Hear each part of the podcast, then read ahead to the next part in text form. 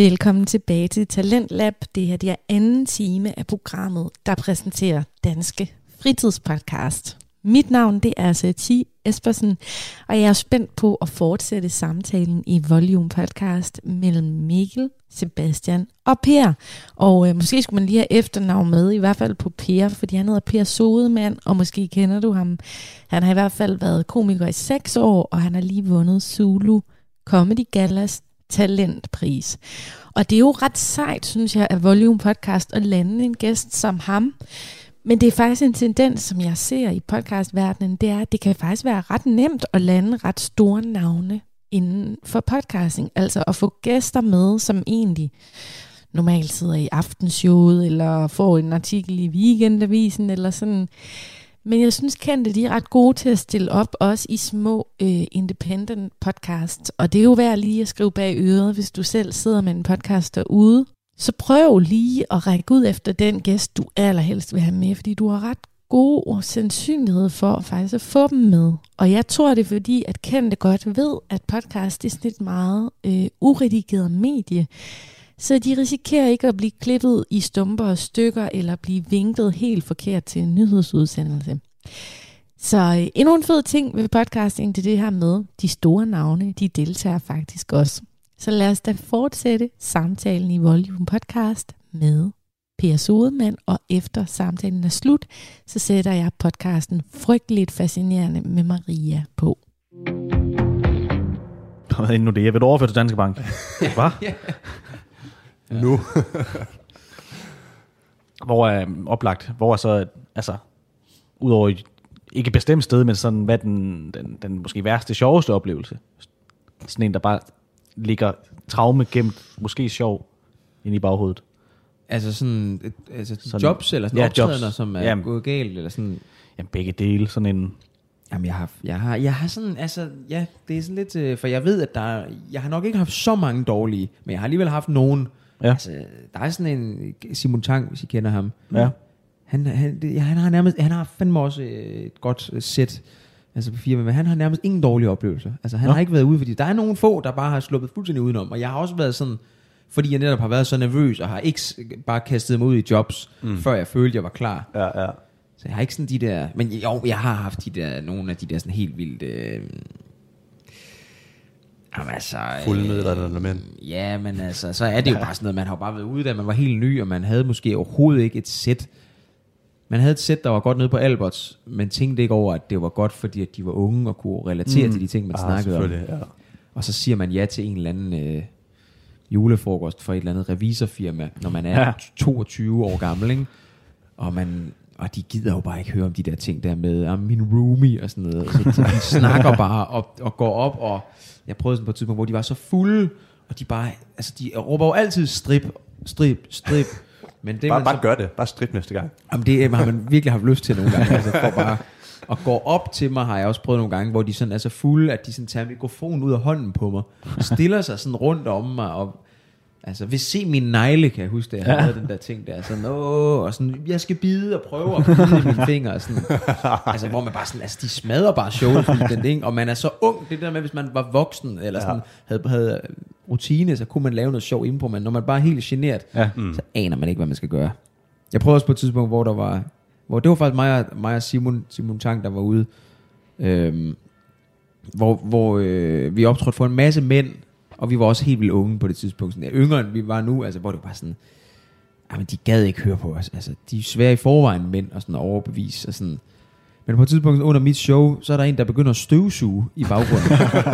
altså, så, så siger det bare noget om, hvor kedeligt han synes, det er. at Han tager den mest kedelige ting i verden, og tænker, så får jeg lige det overstået, imens ham der, han er på. Det var så ydmygende, at jeg bare sådan kan høre det. I, svær, i forvejen er det svært, der er ingen grin eller noget. Og så kan jeg bare sådan høre, mm, i baggrunden. Det er sådan noget, du gør, når du sidder derhjemme. Bare sådan, kæft, jeg skal bare ikke læse flere lektier nu. Jeg bliver nødt til at gøre noget andet. Ja, ja, lige præcis. Jeg Sådan en kedelig overspringshandling. Ja. Ej, det er også det er tavligt. kæft et signal. det er tavligt. Det er virkelig, virkelig tavligt. Jeg råber, jeg kunne lige så godt råbe, fuck dig, og så bare gået. Så havde jeg faktisk også en her øh, i sommer, som også var en af de dårligste, jeg har haft. Øh, hvor at, øh, det var den kamp, det var en 40-års fødselsdag. For det første så, så Det- får jeg at vide, at de, øh, at de ikke, det- normalt så må de ikke spise samtidig. Altså, det, det, er sådan, det fungerer jo ikke til stand-up. At de, så de skal jo kunne have fokus og kunne se mimikken, så hvis de sidder, mm, og skal, altså, så kan de ikke grine, når de har mad i Og munden. baggrundsmusik på en eller anden måde. Ja, præcis. Det fungerer slet ikke. Men så lige inden jeg skal derind, der falder Eriksen om. Altså, det var den der kamp der. Hold da op. For... Og, og hvor det er, og jeg skal ind og optræde i det, jeg får sådan, jeg har kørt, så jeg kan bare se sådan nogle beskeder sådan, har du set, hvad der er sket med Eriksen? Nej, hvad fanden? Jamen, han er måske død og sådan noget. Sådan, what the fuck, jeg er selv fuldstændig i chok Ja, ja. over. Ja, ja. Og hende der, der har booket mig, hun ser ikke fodbold, hun er ligeglad, så hun ved ikke, hvor alvorligt det er. Men jeg kan til gengæld se ind i rummet, at alle sidder sådan med landsholdstrøjer på, og er fuldstændig i chok over, Ja, ja, hvad der er sket, ikke? Jamen, Danmark stod jo stille. Altså, den der halve Fuldstændig time, alle var i chok, ikke? Ja. Og, og, og, og så sad jeg sådan og tænkte, skal vi ikke vente? Altså, kan jeg ikke, altså indtil der, indtil han i det mindste, man ved, om han er okay mm. eller noget. Men hun nej, det er sgu vigtigt, at du, vi tidsplanen, du er nødt til at gå på nu. Så jeg går på i det mellemrum, hvor man ikke ved, om han er død endnu. Ej. Altså, hvor han lige er faldet om, og kampen er blevet aflyst. Så skal jeg ind og lave stand-up for dem. Ingen gad at se stand-up. Altså, der, pa- stand-up passer på ingen måde. Alle sidder bare og ser det der, vel? Jamen præcis, der er jo ingen, der har lyst til at grine nu. Folk er i, altså, folk tror, han er død. Ja. Jamen, det var fuldstændig umuligt. Og så samtidig med, at de I sad og spise samtidig. Det var helt umuligt. Det, Jamen, det jeg, var så ydmygende, altså. Står Ej. der. Jeg var også på arbejde her, da han øh, faldt om, stod i køkken, og sådan, alt stoppede. Ja. Ja. Alle kigger bare op, tjenerne råber, nærmest han er død, og sådan en Ja, ja, ja. ja. kaos i restauranten også. jeg sad, jeg sad og spillede Playstation derhjemme med en anden kammerat, ikke? Og så bare sådan, så siger han bare pludselig, Eriksen har fået hjertestop. Hvad, hvad, hvad siger du til mig? Ja. Ja. Eriksen han er lige faldet med hjertestop. Stop, hvad? hvad? Og så var Ja, ja, det ja. også bare død stemning, ikke? Altså, Fuldstændig. Dødstil. Hold da ja. Det er kirkeklokker i baggrunden. pån, Ja. ja. det er virkelig godt timer det, eller dårligt timet. Jeg ved det ikke rigtigt. Han er Han er, up and going. Det er rigtigt. ja, ja. Så det er, en, det er ikke en hyldest, det er en, jeg ved ikke, hvad det er. Det er ikke os, der har valgt Hvad- altså overhovedet. den Men det var bare sådan et eksempel også, ja. Ja. altså det der med, det var virkelig et eksempel ja. Ja. på, hvor, hvor det er forholdene, hvor det bare er timing med noget. Ja. Ja. Jeg kunne ikke gøre noget. Nej. Og jeg, jeg har ligesom lovet at optræde for dem, men ja. Ja. alle andre situationer, der vil man sige, det passer ikke, at I skal se stand-up nu. Nej. Altså, så vil man sige, det, lad os gøre det, altså, jeg, så, lad os aflyse, altså mm. et eller andet. Altså, jeg havde, jeg havde ikke lyst Nej. til at optræde. Altså, om fuck de der penge der også. Men hun var bare ligeglad, og hun var bare sådan, jamen, jeg synes, du skal gå på. Altså, for hun vidste ikke, hvor alvorligt det var. Nej, nej. Altså, Shit, men hvor bare sådan, fuck det her, altså. Lavede du fuldtid? Ja, sådan. Ja. Ja, det gjorde jeg nærmest, tror jeg. Jeg tror, jeg lavede sådan, men det var bare så dårligt, altså. Men jeg kunne ikke, altså det var, og det var også bare jokes, som jeg ved plejer at virke og sådan noget. Jeg havde skrevet nogle noter på dem og sådan noget. Ja, ja. Men der var bare sådan, Ja, det er- nej, det passer ikke nu. Altså, det er ikke sjovt nu. Alt, der plejer at være sjovt, var bare ikke sjovt der. Nej, nej. Og man står bare som sådan en klovn, altså, ikke? Folk synes, alle sad og så kiggede sådan og tænkte, hvorfor, hvad laver, altså sådan, jeg tror, jeg, jeg tror godt, folk senere hen har tænkt over sådan, at okay, det er jo mig, de har booket mig og sådan noget. Jeg Mm. kunne heller ikke gøre noget, agtigt, Nej, ikke? nej. At jeg ikke havde en chance. Men lige i situationen, der kiggede de bare på mig sådan lidt, hvad laver du? Hvorfor står du her nu? Altså, vi, vi er ikke i humør til det der, ikke? Som om det er mig, der bare er kommet ind og afbrudt dem. Sådan, for fanden, jeg vil heller ikke være her. Nej, det er ikke mig, der har planlagt det her. Nej, ja. Ej, sindssygt. Jamen, øh, altså sådan, målet, drømmen, hvor, hvor er den? Hvor er den? ja. Hvor er din drøm? Hvad er målet henne? Kom Hvor er nu, den henne? Kom nu ind i kampen. Nej, Hvad er den? hvad er den? Ikke hvor er den, men hvad er den? Altså sådan. Ja, godt spørgsmål. Er det det her for evigt? Podcast. Jamen, Podcast. Altså, ja, men altså, jeg, jeg tror, hvis, jo, for det første, det er også det der med, at ens mål rykker sig jo hele tiden. Altså, Ja. Mm. altså hvis man, for mange år siden, hvis, man bare, hvis jeg bare fik at vide, at du kan leve af at optræde. Du Ja. får, øh, jeg tror, det var Dave Chappelle, der sagde på et tidspunkt et eller andet med, at, at bare det, at man, hvis man sådan, okay, hvad ville jeg have lavet ellers? Så var jeg nok blevet lærer, øh, folkeskolelærer eller pædagog eller sådan noget. Okay, hvad hvis jeg kunne have fået den løn, for, og, og, men, men bare med stand-up i stedet for, så havde jeg Mm. været lykkelig, altså hvis Ja. jeg havde var blevet spurgt om det for mange år siden. Men så rykker målene sig jo, og nu er jeg begyndt at kunne leve af det, og, sådan, og nu vil man gerne mere og mere, og så vil man gerne, man vil sindssygt gerne kunne sælge nogle billetter på et tidspunkt. Mm. Men jeg gad også godt kunne lave alt muligt andet end stand-up, altså, fordi det kan også blive Du- kedeligt at lave stand-up igen og igen og igen. Ja, altså, altså, du har da også lavet lidt forskelligt. Altså, du var jo ude og lave det der arbejde. Hvad kan jeg blive? Eller, Ja. hvad hedder Ja, ja, ja, ja, ja, præcis. Ja, som også var sjovt, altså sådan, så jeg gad helt vildt godt lave, øh, jeg var også med i Sunday i sæson 1, Ja. som jeg også synes var vildt sjovt at lave, altså sådan fiktion sådan noget. Hmm. Kan jeg også godt lave, altså jeg gad godt lave mere, øhm, jeg gad godt skrive ting selv, Mm. Både sådan fiktionsserie, øh, sketch show gad jeg også godt lave. Det, det har jeg sådan altid synes var lige så sjovt nærmest. Altså jeg kunne, Ja. inden jeg lige så stor passion for, for at være sjov foran folk og stand-up. Altså, det er ikke sådan, fordi jeg altid har tænkt, fuck man, jeg skal bare stå på den scene der og lave stand-up hele mit liv. Og det, sådan er der vildt mange, der har det. Ja. Men jeg har altid haft det lige så fedt med at, at lave en sjov kortfilm, og så lave en sjov, skrive en sjov scene eller sådan ja. noget. Ikke? Det var lige så meget det, jeg synes, der var grin. Altså for folk til at grine på alle mulige andre måder. Altså med, Ja, ja, underholdning generelt. Præcis. Ja, ja, okay, cool. så jo bredere og jo flere ting, jeg kan få lov at lave, jo, jo federe vil det være. Fedt. Det forstår jeg også godt. Ja, det var... Det lyder... Det, altså det, samme, så samme tanker har vi nærmest. Altså. Ja. Ja. Ja, ja. ja. ja, hvad vil I? Hvad er jeres drøm? Ja, men vi kan rigtig gerne ind i bare altså en underholdningsbranche. ja. Men Ja. jeg tør ikke stille mig op foran folk Nej. som stand-up eller Nej. Jeg ved ikke, hvad man ellers gør, stiller sig op foran folk. Ja. Så det er det meget nemt at gemme sig bag ting og sidde med en, Mm. To personer. Ja, er det sådan noget ligesom øh, Falktoft og øh, Esben Bjerre? Er det sådan nogle...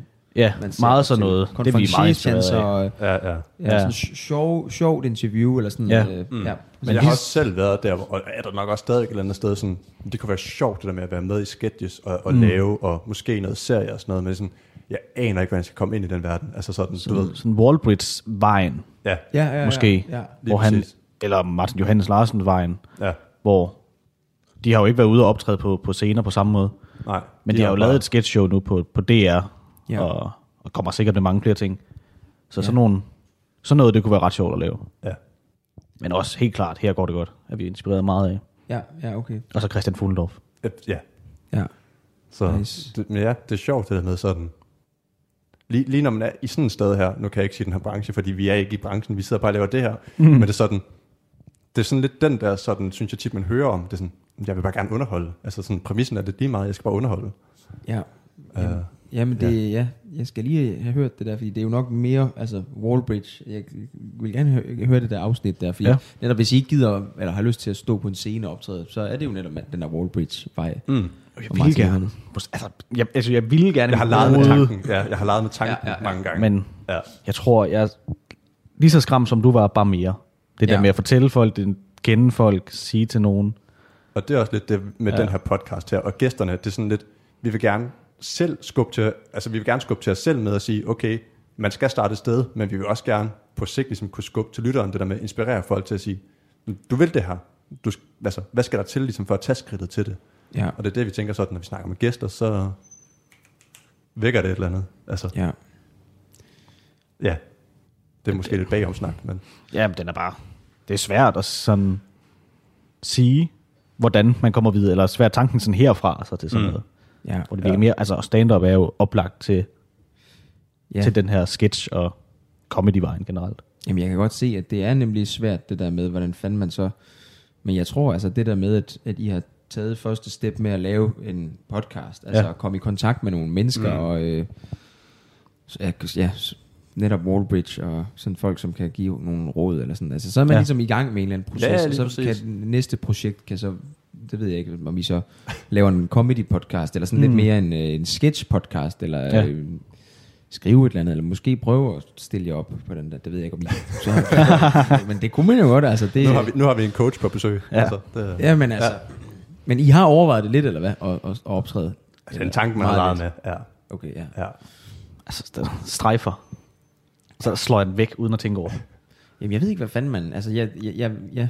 Du, det, vækker, du vækker et eller andet i mig lige nu. Altså, det, det kan sådan tydeligt mærke, at du gør. Altså, det er sådan, Ja, okay. Jeg tror, chancen for, at Mikkel starter er større, end jeg kan. Altså sådan... jamen, jeg tror også generelt, jeg har været... Ikke, at jeg er god til det, men jeg har været bedre sådan der med at sådan stille mig op på den måde. Jeg Jeg, skal ikke, jeg kan ikke stille mig op for en klasse. Nej, Over fem mennesker, så siger jeg ikke noget. Nej. Jeg kan ikke sige noget. Men det er sjovt, fordi sådan har jeg jo også altid haft. Ja. Altså, altid. Ja. Så det, det er også derfor, mange er overrasket, sådan, fordi jeg har aldrig turde sige en skid. Og jeg er selv sådan, jeg er sygt stille, når jeg sådan mm. sidder med nogen, jeg ikke kender. Og kan, Ja. ja jamen, det var sådan, det var det eneste, der sådan havde reddet mig i skolen. Det var det der med alle opgaver og sådan noget. Jeg ligger bare sådan, du ved, nede i bundniveauet. Så kommer de der sådan mundtlige, hvor du skal stå og sådan, du ved, være lidt kreativ og stå. Og der ligger de bare sådan helt oppe i toppen. Så det er sådan, Mm. altså, det er sådan der var et eller andet, der gjorde sådan, der er måske noget her på en eller anden måde. Ja, I don't know. Jamen, det værste er at stå sådan øh, to-tre, man kender, og så inviterer de lige to-tre over, de kender, Ja. og så er jeg ude af den samtale. Ja, ja, så er jeg der så- ikke længere. Nej, lige præcis. Jeg var, Jeg, jeg ved ikke, hvor meget mere, altså sådan, er det, er det bagomsnak, vi kører nu, Ja, eller det- er det podcast-snak stadig? det er det samme. Det er det samme, altså, det, ja, Så hører folk også øh, noget om... os. Ja, Nu giver vi også noget selv. mm, Ja, det er rigtigt. nu kigger du. Jamen, jeg skulle lige se. Jamen, øh, jeg havde et... Du havde et. Men ja, Jo. altså, det er også, du, du er jo velkommen til bare at spørge. Det er jo bare en samtale-podcast. Nu har det været Nu- meget dig i Nu fokus. nævnte du selv, at du havde været på tur med mange forskellige, og været afsted med nogen. Og til sådan helt øh, sådan, øh, lille dreng, bliver man ikke starstruck over at møde nogen? Jeg ved ikke, om du har den selvfølgelig. Altså, jeg har ikke sådan været på tur-tur. Jeg har Jamen, været ude med Mikkel ude- på... Øh, men øh, jo, jeg har været på jobs, og så har man Ja, haft et jobs. job med... Øh, jo, jo, helt vildt. Altså, men, men faktisk... Hvor bøvlet var maven, da du sad i bilen med Torben Chris den første halve time? Altså, han var så flink og så jysk og så ned Okay, på jorden, at ja. ja. det var ret nemt. Men jeg, kan, altså, jeg bliver jo stadig sindssygt, sindssygt uh, starstruck af Ja. ja. nogen, ikke? Men, mm. men det gik faktisk ret hurtigt, altså, fordi man bare sådan, Nå, men så er de på de der mics. Ja. Altså, jeg kan huske, Nå, ja, ja, det var, det var faktisk, det er faktisk en meget sjov anekdote. Perfekt. Øhm, men den er også sådan meget, øh, men det var sådan, det var en, af de, det er stadig en af de bedste dage, jeg nogensinde har haft. Ja. Altså, det var, jeg havde optrådt i, jeg, jeg var begyndt at få lidt spots i København. Jeg havde måske optrådt, det var en gang, jeg talte, det, det gør man meget i starten, da jeg havde optrådt mm. 19 gange. Mm. Ja, det er måske- meget til 19. Ja. Ikke sådan noget, cirka 20, 19. Ja, ja præcis. Jeg talte indtil jeg er 78 eller sådan Ja, noget, ja, okay. tror jeg, jeg blev ved. Men, øhm, men jeg havde måske optrådt i to måneder eller sådan noget. Ja. To, tre, ja, to måneder, tror jeg. Og så kom der den der konkurrence der. Jeg var begyndt at have sådan fem minutter, der var gode. Mm. Og der var sådan folk, der begyndte sådan, ikke sådan de store, men folk i miljøet vidste godt, "Nå, men han, han er ny og har faktisk fem, der virker meget fint og sådan. Mm. Øhm, og- så øh, meldte jeg mig til den sådan konkurrence, der hed Nyeste Nye der, hvor man netop kunne, præmien var lidt, fordi i København, der slåsser man virkelig om de der spots der. Ja. Så præmien var lidt, at man blev nævnt inde i komikergruppen, den store gruppe der, hvor at øh, Facebook-gruppen, hvor at, men ham her, giv ham nogle spots, han har vundet nyeste nye. Så, ja. Øhm, men så var der også sådan en, øh, så skulle der være en open mic på huset, hvor Talbot skulle være vært. Og ham havde jeg aldrig set sådan på, jeg havde ikke sådan rigtig set nogen af de sådan helt store endnu. Og han var sådan alt for stor til at skulle være Ja. vært på en open mic, men jeg tror, han havde sagt ja til det, fordi han kendte dem. Ja. Men jeg sad sådan og tænkte, fuck man, kan jeg vide, hvad, hvad bliver line-uppet på den der open mic der? Og så, øhm, så jeg, likede bare som altid. Altså, sådan, jeg sad bare og tænkte, jamen jeg, selvfølgelig, han aner ikke, hvem jeg er. Altså, men så fordi, at han ikke selv vidste, hvad, hvad der rørte sig i miljøet, og sådan, så fik han en, der hed Haya Reis til, også komiker, Haya, øhm, til sådan at, at, at, at lave et line-up for ham. Ja. Og han skulle bruge en ny. Og så skriver Haya til mig, om jeg vil være den ene nye, der er på. Ja. I, I sådan en helt kæmpe line-up. Og der eksploderer det fuldstændig, fordi på det tidspunkt har jeg optrådt i, ja, i to måneder. Ikke? Ja. Ah, sindssygt. Og øh, nu skal jeg ikke, altså jeg skal på line-up, jeg skal møde Talbot for det første, og alle de andre, han også har på. Ja. Mm.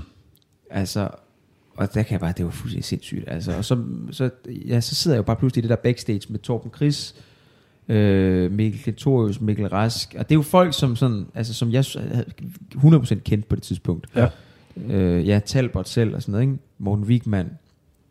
Altså, jeg var fuldstændig, jeg sagde ikke et ord. Altså, og Talbot var sygt sød, og var bare sådan, fordi han selv havde taget lidt den samme med at flytte fra Jylland til, Mm, ja. til København. Og sådan, men det var bare så vildt, fordi det var bare sådan fra 0 til 100, med at man sådan, så sad man bare med dem, der man har set på tv for to måneder siden, og der var Ja, man, ja. altså, og jeg kan bare huske, at jeg sad og tænkte, fuck, det skal, det skal bare gå godt. Og jeg var sådan lidt ærgerlig, og jeg vidste, de der fem minutter, de virkede meget fint og sådan noget. Men vi, vi sad sådan nede i sådan en backstage, hvor man ikke rigtig hørte hinanden, fordi Ah. scenen var heroppe, så jeg var sådan lidt, ah, det er også lidt ærgerligt på en eller anden måde. Fordi selvom jeg synes, det var nøjeren at skulle optræde Mm. for dem, så kunne det også være fedt bare at være pissegod foran Ja. dem. Ikke? Ja, ja, lige præcis. Også fordi, at man, de, jeg kunne mærke, at folk havde ikke sådan... Folk talte heller ikke... At folk var søde ved mig, men de... Jeg tror også, folk er bange for, om man er en freak, når man mm. er sådan lidt ny og sådan. Så Ja, folk, ja. Og jeg var meget generet og stille, så jeg sad sådan og tænkte... Jeg tror, folk sad og tænkte, han kan nok ikke noget. Altså, ham Han der. altså, ham han, jamen, han Ja. er sådan... Altså, så jeg kunne mærke, folk... Jeg havde ikke sådan... Generelt på micsene talte folk... De folk var søde til at svare og sådan noget, men, men folk... Ja, folk talte stadig ikke sådan så meget til en. Sådan. Så Ja. jeg havde ikke sådan fået den der anerkendelse eller respekt, sådan, okay, han er en af de nye gode. Det vidste de ikke på det tidspunkt der. Så på den måde ville jeg gerne have, at de så mig, sådan så jeg ligesom... Mm, ja, selvfølgelig. Øh, og jeg lå til anden sidst i hele line lige inden Torben Chris, der skulle lukke. Og så, øh, Og i- ingen så hinanden. Men så fordi Torben skulle lukke, der går alle op og sætter sig blandt publikum. Shit. fordi de gerne ville se ham. Og så tror jeg ikke, de tænkte over, at så var jeg lige på inden. Og så gik jeg bare op, og det var også et godt publikum, men så havde jeg bare et pissegodt show. Ja.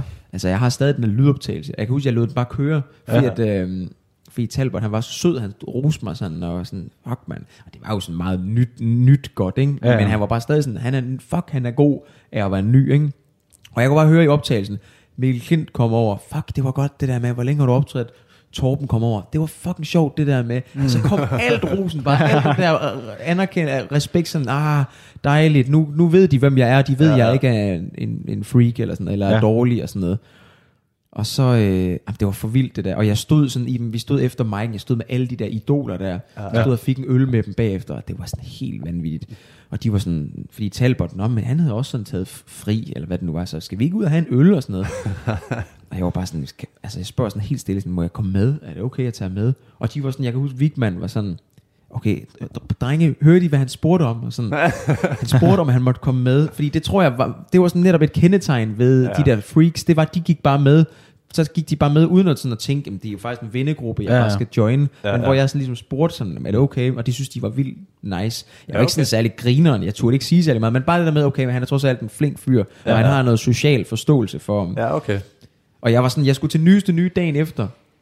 Og så var jeg sådan, jeg skulle nok, det kan også godt være, at jeg snart skal hjem, og sådan, fordi at, jeg skal til den der konkurrence i morgen. Og så var Torben sådan, prøv at Per, altså det du vinder i morgen, det har du jo vundet nu. Fordi at du har, det man vinder, det er, at, at der er nogle navne, der ser dig. Ja, Ja, som, okay. som så derfor kan sætte dig på. Men vi har jo set dig være god, så du får spots nu. Jeg var sådan, fuck det, det er rigtigt nok. Og så blev jeg bare til klokken 4 og drak mig fuld og hyggede mig sindssygt meget. Tog op helt smadret til nyeste nye dagen efter. Og sådan, jeg, jeg er godkendt nu, jeg kan være ligeglad. Jamen lige præcis.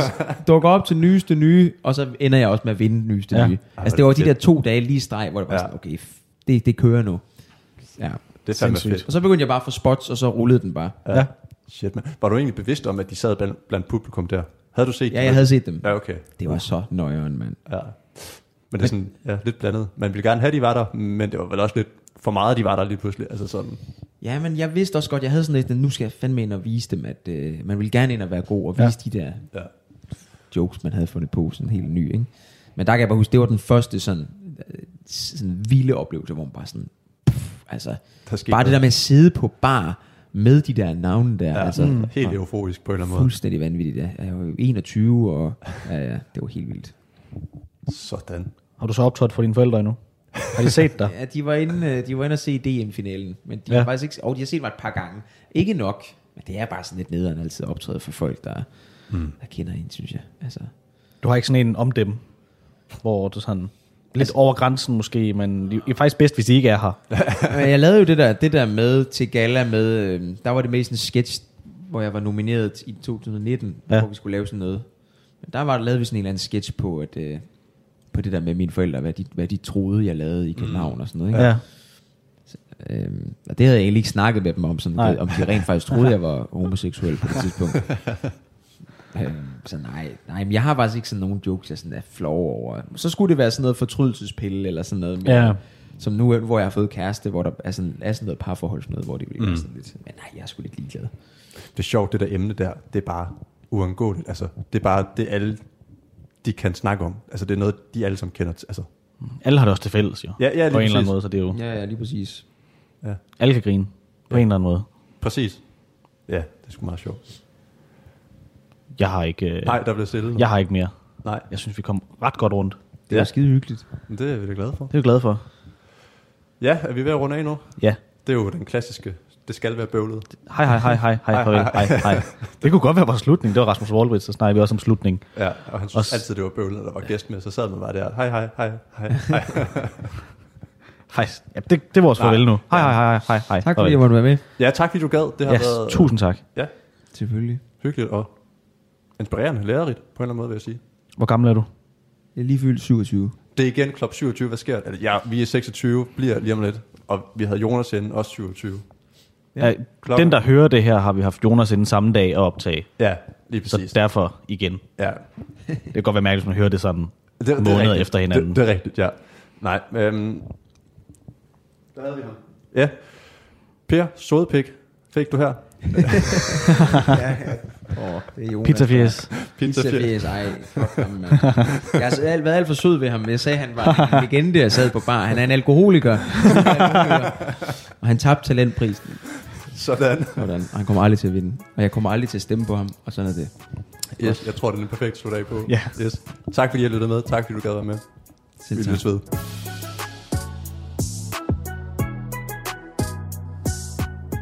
Du har lyttet til Volume Podcast med Mikkel Jespersen og Sebastian Volter, og de havde komiker Per Sodemann med i studiet. Husk, du kan abonnere på deres podcast på alle podcastplatforme, og måske øh, skrive dem besked eller sende en anmeldelse, fordi jeg synes, de fortjener et klap på skulderen. Også taget i betragtning af, at de jo siger ærligt i den her episode, at øh, de faktisk har puttet lidt med podcasten, fordi de var sådan lidt bange for, hvad andre ville tænke. Så øh, mega hæb herfra i hvert fald.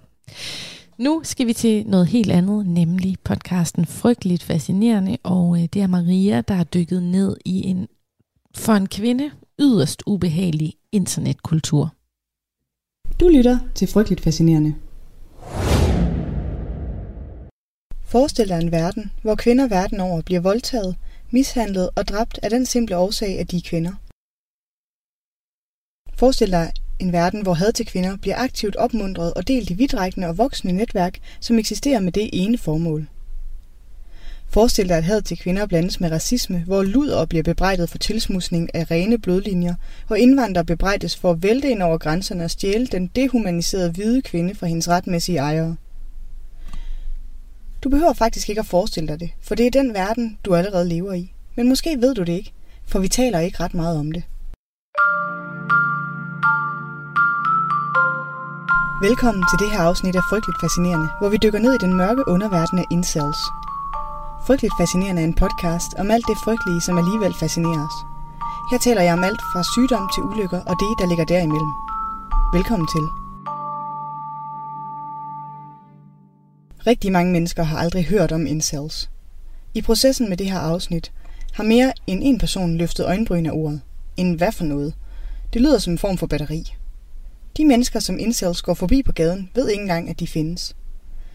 Det er sikkert også en af grundene til, at når de engang imellem dukker op i nyheder eller medier, så er det så fristende let at trække på skuldrene af dem som en lille bitte minoritet af sørgelige eksistenser. Det man hører om dem lyder så bizart og så ekstremt, at det er svært at tro på. Grinagtigt nærmest.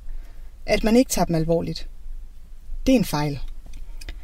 Incelfællesskabet er det mest voldsparate hjørne af den såkaldte manusfære. Det er et fællesskab, der er dedikeret til voldeligt had til kvinder. Et fællesskab, der aktivt og aggressivt rekrutterer medlemmer, som sikkert har ægte problemer og usikkerheder, og som bliver fortalt, at kvinder er årsagen til al deres lidelse og alle deres problemer. Det er et fællesskab, der over de sidste 10 år har mere end 100 drab på samvittigheden. Langt den overvejende del af offrene kvinder. Og der er stor sandsynlighed for, at du aldrig eller sjældent har hørt om dem før nu. For omkring et år siden havde jeg heller aldrig hørt om incels før. Det var først med DR's podcastserie Mænd, der ødelægger kvinder, der egentlig handler mere om hurtcore, men som havde en lille omvej omkring indselfællesskaber, og lige siden har jeg været helt sindssygt fascineret af fænomenet. Og selvom det helt klart også er et af de emner, der har gjort mig allermest utilpas i researchen. Gradvist er jeg gravet dybere og dybere ned i intelkulturen, og jeg kan mærke, hvordan jeg, selvom jeg stadig er frastødt og skræmt over det, jeg læser, så bliver jeg også mere og mere sådan følelsesløs i forhold til det. Hver eneste dag dukker der hundredvis af nye opslag op på incelfora med beskeder som Jeg hader alle kvinder. De er jordens værste udskud. Hvis du er en kvinde, og du tilfældigvis læser det her, så hader jeg også dig, din fucking luder. Eller Kvinder er klamme, frastødende parasitter. Og jeg kan ikke lade være med at tænke på, hvordan det påvirker de mange medlemmer og tilskuere til de her fora og se den slags beskeder normaliseret. Vi skal tilbage til midten af 90'erne for at finde det noget overraskende ophav til indselbevægelsen. Helt tilbage til før dating-apps og Facebook, faktisk helt tilbage til tiden før MySpace, hvis nogen er gammel nok til at kunne huske det. Her starter en ung kvinde, som vi nu kun kender som Alana, en simpel hjemmeside.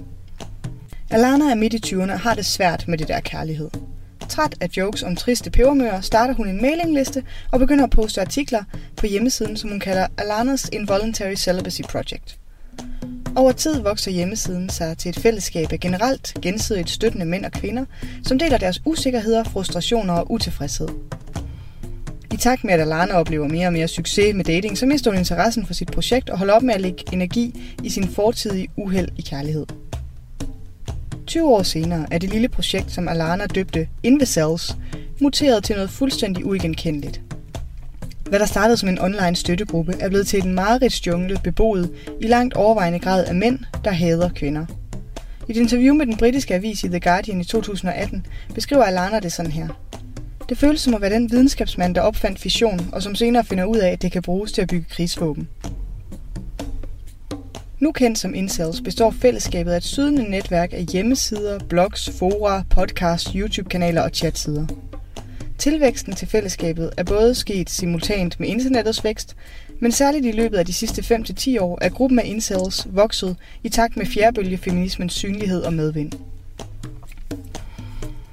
Den moderne mutation af incelbevægelsen er sådan en kultlignende og voldsom misogyn ideologi, der spreder sig som subkultur gennem internettet, i særligt den vestlige verden, men med globale tråde. Gennem netværket spredes detaljeret, voldeligt antifeministisk verdenssyn til drenge og mænd gennem deres computer. Nye medlemmer rekrutteres på et væld af forskellige måder. Nogle falder over et forum, mens de leder efter løsninger på deres problemer, eller gode råd til deres udfordringer med ensomhed og deres frustrationer og kærlighedsliv. Nogle kanaliseres mod indsatssider fra mere generelle opslagssider og hjemmesider. Nogle fanges ind af algoritmer, hvor videoplatforme som YouTube fra tid til anden anbefaler indsæl indhold til brugere, selvom de ikke har søgt efter det. Nogle lokkes til gennem grooming i gaming chatrooms eller online forum med stort klientel af teenage-drenge. Uanset hvordan man finder incel-fællesskabet, så er første skridt ind i kulturen at tage den røde pille. Lånt fra kultfilmen The Matrix, så refererer det til en scene, hvor hovedpersonen Neo bliver stillet over for et valg mellem at tage en blå pille, som vil betyde, at han fortsætter med at se verden, som han altid har gjort, eller tage en rød pille, som vil flytte hans perspektiv og sætte ham i stand til at se The Matrix. Og når han gør det, går det pludselig op for ham, at intet i verden er, som han hidtil har troet. På en måde er det lidt ironisk, for efter at have været dykket ned i den her verden af incels, så har jeg det som om det er mig, der har taget en rød pille. Man først ved, at der er i tusindvis af mænd derude, der hader kvinder i en sådan grad, at mange af dem mener, at vi bliver udslettet helt, så kan man aldrig uvide det igen. Incels bruger rødpillemetaforen til at beskrive det øjeblik, hvor en mands skyklapper falder af, og han pludselig indser, at han er blevet løjet for hele livet. Den verden, som han er blevet opdraget til at tro arbejder for ham, er faktisk bevidst designet til at modarbejde ham. Hans kort er pakket på forhånd, og ikke til hans fordel. Alt lige fra regeringen til vores samfund i bredere forstand er designet til at fremme kvinder på bekostning af mænd. Incels taler om den mandehadende verdensorden som et gynokrasi, et snedigt system designet til at holde mænd, de sande ofre for undertrykkelsen, i deres undertrykte tilstand, uden at de overhovedet opdager det selv. Metaforen om den røde pille er et stærkt og dramatisk måde at sælge sit budskab på. Har du mistet dit job? Hvad kunne være mere tiltalende end et nyt verdensbillede, hvor det faktisk slet ikke er din skyld? Du er i virkeligheden offer for et magtsygt komplot, hvor kvinder aktivt arbejder for sig alt det fra dig, som du har arbejdet for. Er du blevet dumpet eller skilt? Den løgnagtige luder er i virkeligheden en del af et større angreb på dig og mænd som dig. Træt af ikke at hælde kærlighed? Problemet er ikke dig, det er hende. Hver eneste hende i hele verden, faktisk. De små hverdagskvaler, som mænd og drenge kan stå over for, spændes ind i en større historiefortælling om indselfællesskaber, som vidnesbyrd om den forestående feministiske, mandehadende verden, og om det nødvendige, som det er nødvendigt at kæmpe imod.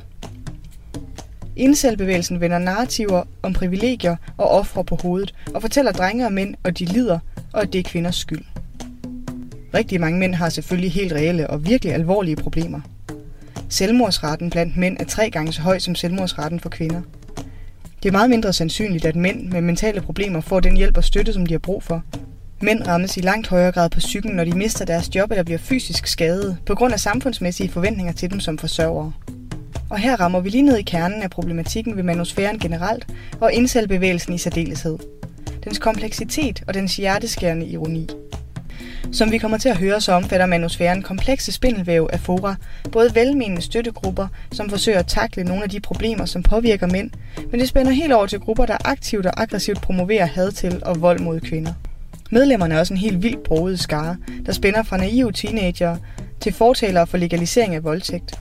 Fra sårbare eneboere til voldelige misogynister, ikke voldelige idealister til sørgende fædre, online chikanter til offline stalkere. Det er tydeligt, at ikke alle, som indgår i de her netværk og besøger de her fora, skal have samme label. Og netop her ligger også fællesskabets sorteste ironi. Gruppen i den ene ende af spektret er ansvarlig for en stor del af den skade, som gruppen i den anden ende bliver udsat for. Dem, der er mest magtfulde og som forstærker rigide patriarkalske idealer og traditionelle kønsroller, kvæler langsomt dem, der så desperat har brug for at slippe fri af dem. Overfladiske analyser af indselbevægelsen har antydet, at klasse er den største faktor, som driver nye rekrutter ind i fællesskabet. Det antyder, at der er tale om fattige, hvide unge mænd, som er faldet bagud. Andre har talt om, at det hele handler om forskydninger på arbejdsmarkedet. At der mangler ufaglærte jobs, og at kvinder i langt højere grad end tidligere er på arbejdsmarkedet. I min research af de her fora er det tydeligt, at billedet er langt mere nuanceret end det. Medlemmerne og fortællerne for de her fællesskaber kommer fra alle mulige baggrunde. Fra almindelige arbejdere, som er vrede over følelsen af, at indvandrere har stjålet deres jobs og deres damer, til superprivilegerede, eliteskoleuddannede unge mænd, som er vrede over, at deres retmæssige top af den politiske og økonomiske fødekæde bliver udfordret. Det, som de alle sammen lader til at have til fælles, er ønsket om at passe ind og høre til. Og det får de i incel-fællesskabet, som virkelig excellerer i en nærmest stammelignende tilhørsforhold. Nye medlemmer suges hurtigt ind i et verdensbillede, hvor de er misforståede helte, de fortabte visionærer, og alle, der er uenige med dem, er enten hjernedøde får eller en aktiv del af det undertrykkende system. Det ironiske i, at Matrix-trilogien og de metaforer, der gennemsyrer hele det her incel-landskab, er skabt af to transkønnede kvinder, lader til at være fuldstændig tabt på incels. Metaforen om den røde pille er grundpillen i nærmest alle manusfæregrupper, og det går igen i både scorecoach-segmentet, aktivister for mænds rettigheder og men going their own way. Men efter at man har taget den røde pille, bevæger de forskellige grupperinger sig i dramatisk forskellige retninger. For incels er det alt overskyggende et ekstremt fokus på sex og vreden over at blive nægtet sex. Et fællesskab af mænd i 10.000 vis, der taler om, hvordan verden og individuelle kvinder i verden nægter dem den basale rettighed, det er for enhver mand at have sex med kvinder. Vi taler online samtaler i tusindvis, hvor mænd bruger endeløse timer på at tale om deres ikke eksisterende sexliv, sideløbende med lange klagesange om, at kvinder er onde, undermenneskelige beholdere. Paradoxalt nok er der aldrig nogen, der taler om, at deres kvindehed stammer fra deres mangel på datingmæssig succes. Hvis man så meget som foreslår den mulighed, så bliver man udelukket fra fællesskabet. Incels ser dem selv som uskyldige og tragiske ofre for et mørkt, postapokalyptisk samfund, hvor alle odds er imod dem. Det første, man ser, når man undersøger de her grupper, er den benhårde blanding af håbløshed og vrede. De her mænd har virkelig ondt af sig selv, men de vemmes også ved deres roller i samfundet, og det de har eller nærmere ikke har opnået. Men samtidig føler de også, at de i virkeligheden bør høre til i toppen. De føler sig grundlæggende berettiget til alt det, de ikke har. Den stærke følelse af at have gennemskuddet samfundets uretfærdigheder, og deres stærke følelse af at gå glip af, mangle og være udenfor, er en bizarre, men virkelig magtfuld cocktail. Besøg en hvilken som helst incel hjemmeside, og du bliver lynhurtigt indoktrineret ind i, at overfladiske selvoptaget, grådige og løsagtige kvinder er fjenden. Kvinder er konstant sultne efter sex, men de vælger kun at have sex med en lille gruppe af de fysisk mest attraktive mænd. Incels er besatte af det, de kalder 80-20-teorien. Det her er faktisk ret interessant. I min research af incel-bevægelsen, så falder jeg hele tiden over de her små pseudovidenskabelige greb i deres strategi, argumentation og rekruttering. De adopterer sådan små principper fra videnskab og forskning, og så Frankensteiner de det sammen til deres egne små beviser for deres verdensbillede. Måske kender du allerede 80-20-reglen eller Pareto-princippet fra andre steder. Mange taler om det i forbindelse med produktivitet. 80% af resultatet kommer fra 20% af arbejdet, eller fra virksomhedsdrift, hvor 80% af indtjeningen kommer fra 20% af de vigtigste kunder, som det blev populariseret i Tim Ferriss' The 4-Hour Workweek. Det er et hjerneredskab til at zoome ind på det vigtigste og lægge fokus der. Det stammer vist nok fra den italienske økonom Vilfredo Pareto, og hans undersøgelser af landbesiddelser i Italien i slutningen af 1800-tallet, som viste, at 80% af landet var ejet af 20% af borgerne. Anyway, Incels 80-20-teori går ud på, at de 20% mest attraktive individer nyder 80% af sexen i vores samfund. Ja, altså det er teorien. Det er ikke engang noget, jeg finder på for at understrege en pointe. Teorien er en beklagelse af, at den almindelige unge mand har alle odds imod sig på den seksuelle markedsplads. Kvinderne har al kontrollen. De tror på, at når kvinder vælger deres sexpartner, så er udseendet langt vigtigere end alle andre egenskaber. Er du uheldig nok til at være født grim, lav, skaldet, ikke hvid, bumset, med skæve tænder eller med enhver anden skønhedsfejl, så er du dømt til et liv fyldt med uretfærdige seksuelle frustrationer. Unge kvinder anklages for at knalde løs med uanede mængder af sindssygt attraktive mænd, før de gifter sig med mindre attraktive mænd, som de slet ikke elsker ordentligt og som de kun udnytter for penge. De her mænd, som har fået det nedladende kælenavn Betacox, bliver set ned på, fordi de er tvunget til at bruge deres penge på en kvinde, som ikke længere er jomfru og dermed brugt og seksuelt værdiløs. I indselgrupper hedder den her strategi Alpha Fox Beta Box. Alle de her fysiske mangler, som indselbevægelsen er sindssygt optaget af, er så prominent til stede i deres bevidsthed, at det har skabt grobund for et væld af incel subkulturer. Du kan fx være en height cell, hvis du er for lav, en ginger cell, hvis du er rødhåret, en bald cell, hvis du er skaldet, en skull cell, hvis du har uheldige ansigtstræk, endda en wrist cell, hvis omkredsen på dine håndled er for små. Incels har også et helt ekstremt fokus på racestereotyper med curry cell, black cell, rice cell og ethnic cell for asiatiske, sorte eller indiske medlemmer. På en måde kan det få det til at se ud, som om der er sådan et lidt overraskende fokus på racemæssig diskrimination i fællesskabet. Men der er helt forsvindende få etniske minoriteter i de her fællesskaber, som faktisk taler om, at de oplever, at deres hudfarve har, eller oprindelse har været årsag til seksuelle afvisninger. Det er oftest hvide medlemmer af fællesskabet, som bruger de her markader til at understrege deres racistiske antagelser om, at mænd, der ikke er hvide, er underlegne.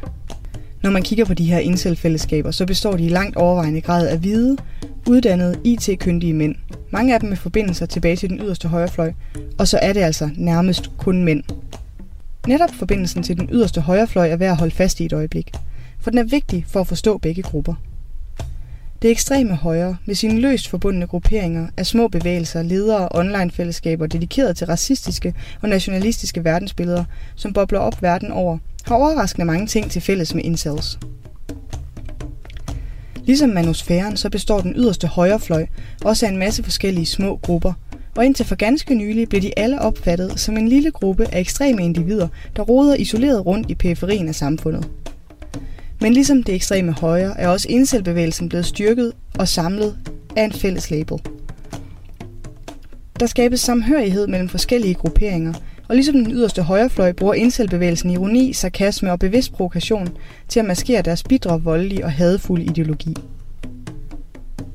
Begge grupper har også det til fælles, at kaotiske og uregulerede online-fora har givet grobund for deres idéer. Hos ekstreme højre nationalister har de også en idé, at den hvide identitet er under angreb, at multikulturalismen og den politiske korrekthed. Og fuldstændig som incelbevægelsen, så taler ekstreme højre nationalister til den privilegerede gruppe, hvide personer, og sælger dem den belejlige idé, at de i virkeligheden er den undertrykte gruppe, og de bliver diskrimineret imod af indvandrere og personer med en anden hudfarve end hvid. Mangt en bog er skrevet om genopblomstringen af den ekstreme højrefløj, og særligt i forbindelse med Donald Trumps vej til magten.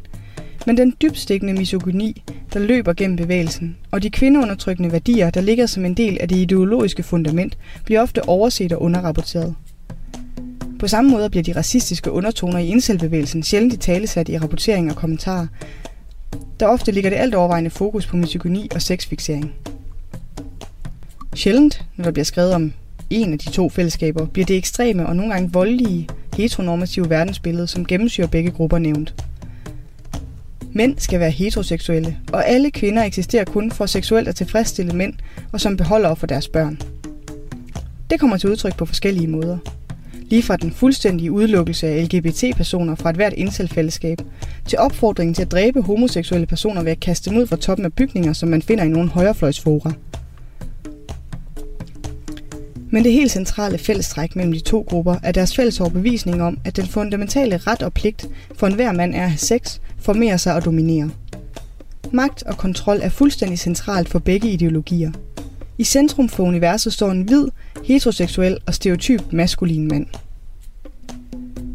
Knusende ironisk, så bliver han både symbolet på den tunge samfundsmæssige forventninger til mænd og maskulinitet, som driver mænd ind i de her fællesskaber i første omgang, og samtidig så har han også den foreslåede løsning, som medlemmerne bliver indoktrineret til at stræbe efter med mere og mere ekstreme metoder. I min optik, så bør enhver, der beskæftiger sig med den yderste højre, også interessere sig for manusfæren. Og enhver, der vil vide mere om indselbevægelsen, er også nødt til at kigge ind i den ekstreme højrefløj. Ellers forsvinder nuancerne og sammenhængene, og man risikerer at overse noget, som efter min mening er et komplekst symbiotisk forhold mellem to voksne online-fællesskaber. Min første aha-oplevelse med den tætte sammenhæng mellem incels og den yderste højrefløj kom, da jeg læste om James Alex Fields Jr. og hans angreb på fredelige demonstranter i Charlottesville. I det, som senere blev kendt som Charlottesville-angrebet, kørte den 20-årige Alex sin bil frontalt ind i en menneskemængde, mens han messede ordene White Sharia Now. Hvid Sharia startede faktisk som en meme i alt-right, men begrebet har spredt sig vidt og bredt på internettet, og særligt i kredse af det ekstreme højre. I et enkelt begreb blandes islamofobi, racisme, antisemitisme, misogyni og heteronormative værdier. I korte træk så er hvid sharia ideen om, at hvide mænd skal annektere deres egen version af det, der i deres optik er en islamisk praksis om at gøre kvinder til slaver. Målet er at fjerne kvinders ret til selvbestemmelse og tvinge dem gennem brutal voldtægt til at agere babyfabrikker. Det vil betyde, at hvide mænd let vil kunne sikre racerenhed og på den måde afle nok nye rekrutter til den hvide race, i fællesskab kan smide alle indvandrerne ud af Vesten og vælte den kreds af magtfulde manipulerende jøder, der ifølge dem undertrykker den hvide mand i Vesten. Vores mænd har brug for harem, og de harem skal være babyfabrikker, skrev Sarko Vandal, som er krediteret som ophavsmand til mimet. Hvis du synes, det lyder lige vel ekstremt, og ikke som noget, man behøver at tage alvorligt, så mindte lige selv om, at det for i hvert fald en mand var alvorligt nok til, at han kørte sin bil med fuld fart ind i en fredelig demonstration, efter han med hundredvis af andre havde marcheret og råbt slagordene på gaden i Charlottesville. Selvom det måske startede som en joke, så er det for mange på den ekstreme højrefløj blevet dødeligt alvor. Det er faktisk en anke, jeg har mødt flere steder, mens jeg researchede det her afsnit. At man ikke skal tage de her grupper alt for alvorligt. Men hvem siger det til de forvirrede og fortvivlede unge mænd, der falder over de her fora i deres søgen efter fællesskab? Prøv at spørge Heather Hayers forældre, om de synes, det er en harmløs joke. Det er ikke på alle områder, at manosfæren og den yderste højrefløj er enige eller deler værdier. Der er ikke et perfekt overlap mellem de to grupperinger. Men når vi ikke kigger efter de her komplekse sammenhænge, så risikerer vi altså, at vi kun ser den halve sandhed. I juni 2019 blev to teenage-drenge fængslet i London efter at have skrevet online propaganda, der opfordrede til terrorangreb. Britiske medier eksploderede i overskrifter om nynazister og den yderste højrefløj. Ikke en eneste overskrift har jeg kunne finde om deres kvindehadende ekstremisme. Og det var der ellers nok af. Artikler om, at voldtægt bør bruges som en generel måde at afstraffe ulydige kvinder, og bunker af indlæg om, hvordan Prince Harry er en raceforræder for at gifte sig med Meghan Markle, sammen med artikler om, at hvide kvinder, der dater mænd med en anden hudfarve, bør hænges. Med andre ord så drev drengene en ekstremt voldelig blog, der opfordrede til voldtægt, tortur og drab på kvinder. Det blev helt overset i overskrifterne, og ofte kun nævnt i en bisætning i artiklerne.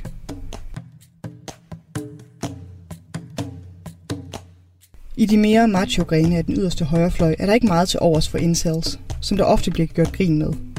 De bliver set som ynkelige, svage tabere.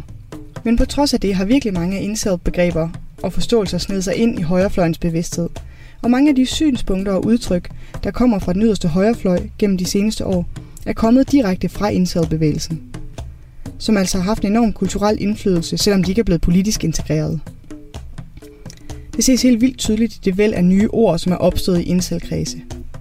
Når man først begynder at opsøge de her fora, er det faktisk lidt svært at læse, hvad de skriver. Der er opstået et helt nyt sprog omkring kvindehad, som det tager lidt tid at blive vant til. Men det bliver man. Vant til det, altså. Det er faktisk ret skræmmende, hvor hurtigt man vender sig til at se kvinder omtalt som foids, en sammentrækning af female humanoids, som skal understrege kvinders status som undermennesker. Eller roasty, der skal indikere, at en kvinde har haft alt for meget sex, og det har ført til misdannelse af hendes skamlæber, så de nu ligner roast beef. Det går ret hurtigt op for mig, at de simpelthen har været nødt til at opfinde nye ord, fordi der ikke eksisterer ord, der kan udtrykke ekstremiteten i de koncepter, som bliver diskuteret på daglig basis i de her fora. Det kan være rape cell, som er et begreb for en incel, der tyr til voldtægt for at få afløb for sine seksuelle frustrationer. Det er jo et begreb, som bliver brugt så kvalmende tit, at det har affødt sine egne underfora og diskussionsgrupper. De særlige indforståede ord og begreber tjener også det formål, at de bidrager til følelsen af at være en del af et hemmeligt overlegen fællesskab. Næsten alle incelfællesskaber tager deres udgangspunkt i en feministisk konspiration og et uretfærdigt seksualmarked, som er fjendtligt over for mænd. Herefter deler de sig i forskellige fraktioner, når de skal beslutte, hvad løsningen på det problem er. Nogle mener, at det er muligt at overkomme den ufrivillige celibat ved at arbejde på sit udseende. I incelverden kalder de det looksmaxing. Gruppen af incels dedikeret til det har deres egne forer, hvor de poster billeder af sig selv og beder om bedømmelser på skalaer fra 1 til 10. De beder andre om gode råd til at få mest muligt ud af deres udseende, eller med triste beskeder som, er det helt slut for mig? Svarene på de her tråde er et bizart miskmask af brutal ærlighed, hånlige kommentarer, støttende og opbakkende forslag og idéer.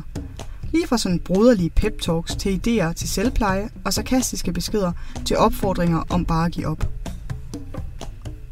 Nogle incels bruger det her fællesskab til at finde støtte og opbakning, mens andre lader til at være opsat på at håne og skade de andre mænd i fællesskabet så meget som muligt. En stor undergruppe af Luxmaxing incels er det, de selv kalder gym cells, som forsøger at øge deres chancer i datingverdenen ved at træne.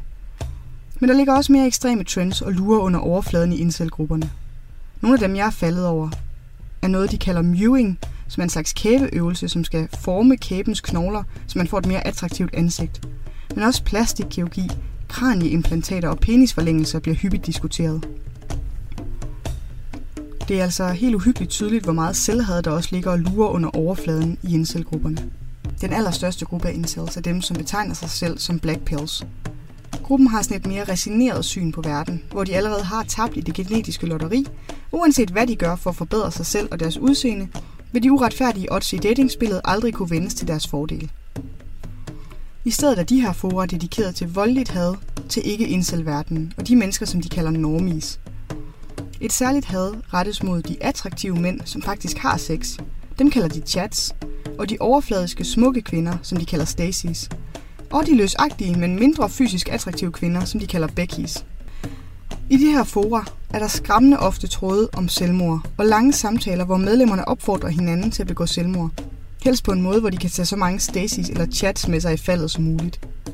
I de her tråde ser man tit en skræmmende kontrast mellem skrøbelige og usikre mænd, der skriver med vrede ekstremistiske mænd, hvis formål er for at så meget skræk og redsel som muligt. I en lang række af de her tråde diskuterer incels også mulighederne for voldtægt, og de søger råd til at blive en rape cell. Nogle medlemmer giver deres bidrag i form af bare gå mok, det er umuligt at blive fanget. Hvis du gør det ordentligt, har du 98,95% chance for at slippe afsted med din voldtægt. I en anden rolig debat om legalisering af voldtægt er de fleste brugere for en legalisering. Med et par som er imod, fordi legaliseringen vil tage noget af det sjove ud af det. En bruger argumenterer for, at det er kvindens egen skyld, at mænd bliver drevet til voldtægt, fordi de ikke sørger for at levere sex til dem. En anden bruger bidrager med sit synspunkt om, at voldtægt kun bør være ulovligt, hvis den voldtaget er en nonne, enke eller en ugift jomfru. Voldtægt af alle de andre ludere skal ses som et tegn på et sundt samfund. I et andet indlæg argumenterer en bruger for, at han ikke kan beskæftige sig med den smerte, som er forbundet med voldtægt, fordi alle kvinder fortjener at blive voldtaget, fordi de er imod prostitution som en måde, hvor mænd kan få seksuelt afløb. I andre afkroge diskuteres det, hvordan kvinder vil være ideelle som seksuelle husslaver, der skal gøre rent, voldtages og tvinges til at bære børn. I de her debatter dukker henvisninger til pseudovidenskab og bizarre referencer til historie og mytologi op igen. Det bliver sådan en måde at legitimere de her sadistiske fantasier på. Særligt sådan filosofiske principper og referencer til det antikke Grækenland er populære. I et opslag skriver en bruger, at straffen for voldtægt burde være meget mildere, end de er i dag. Se bare på oldtidens Grækenland, skriver han, hvor der kun var bødestraf for voldtægt. Den automatiske forbindelse mellem gamle civilisationer og god moral går igen i den bredere manusfære. Og den kommer også op som et forsvar for at holde kvindelige slaver, med argumenter om, at det har været en normal del af vores menneskelige historie, at sejrherren i krige tog slaver fra sine nedlagte fjender. Som incel blev du historisk belønnet, hvis du meldte dig i hæren og drog i krig. Historien havde en plads til incels, og vi havde bedre muligheder i det romerske rige, end vi har i dag, skriver en bruger. Den her slags opslag fortsætter og fortsætter og fortsætter med 100.000 vis af tråde. Og jeg kan ikke anbefale nogen at dykke ned i den, for det er virkelig deprimerende læsning. Med en pærevælling af personlige historier om mænd med liv fyldt med mishandling og nederlag, som har presset dem ind i de her grænsesøgende fællesskaber, som man sagtens kan fatte enorm sympati for, for så senere falder over et opslag skrevet af den samme bruger, om hvordan han slet ikke er interesseret i sex med samtykke. Voldtægt er den eneste ægte alfa-måde at have sex på, og det ved Freud så også godt, hvilket er grunden til, at de foretrækker at blive voldtaget. Nogle af de her beskrivelser med grafiske voldtægtsfantasier og planlægning af massakre har holdt mig vågen om natten, siden jeg dykkede ned i det her for første gang. Og det ligger der. Alt sammen. Kun få klik væk.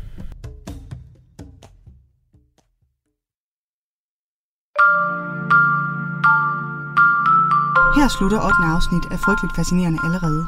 Og hvis du tænker, at det var noget af en pludselig slutning, så er du helt ret. For det her er første del af min miniserie om indselbevægelsen, Og du bliver nødt til at vente til næste uge, før du finder ud af, hvordan indselbevægelsen har bevæget sig fra nettets mørke afkroge og ud i mainstream. Podcasten er researchet, skrevet, optaget og redigeret af mig. Jeg hedder Maria.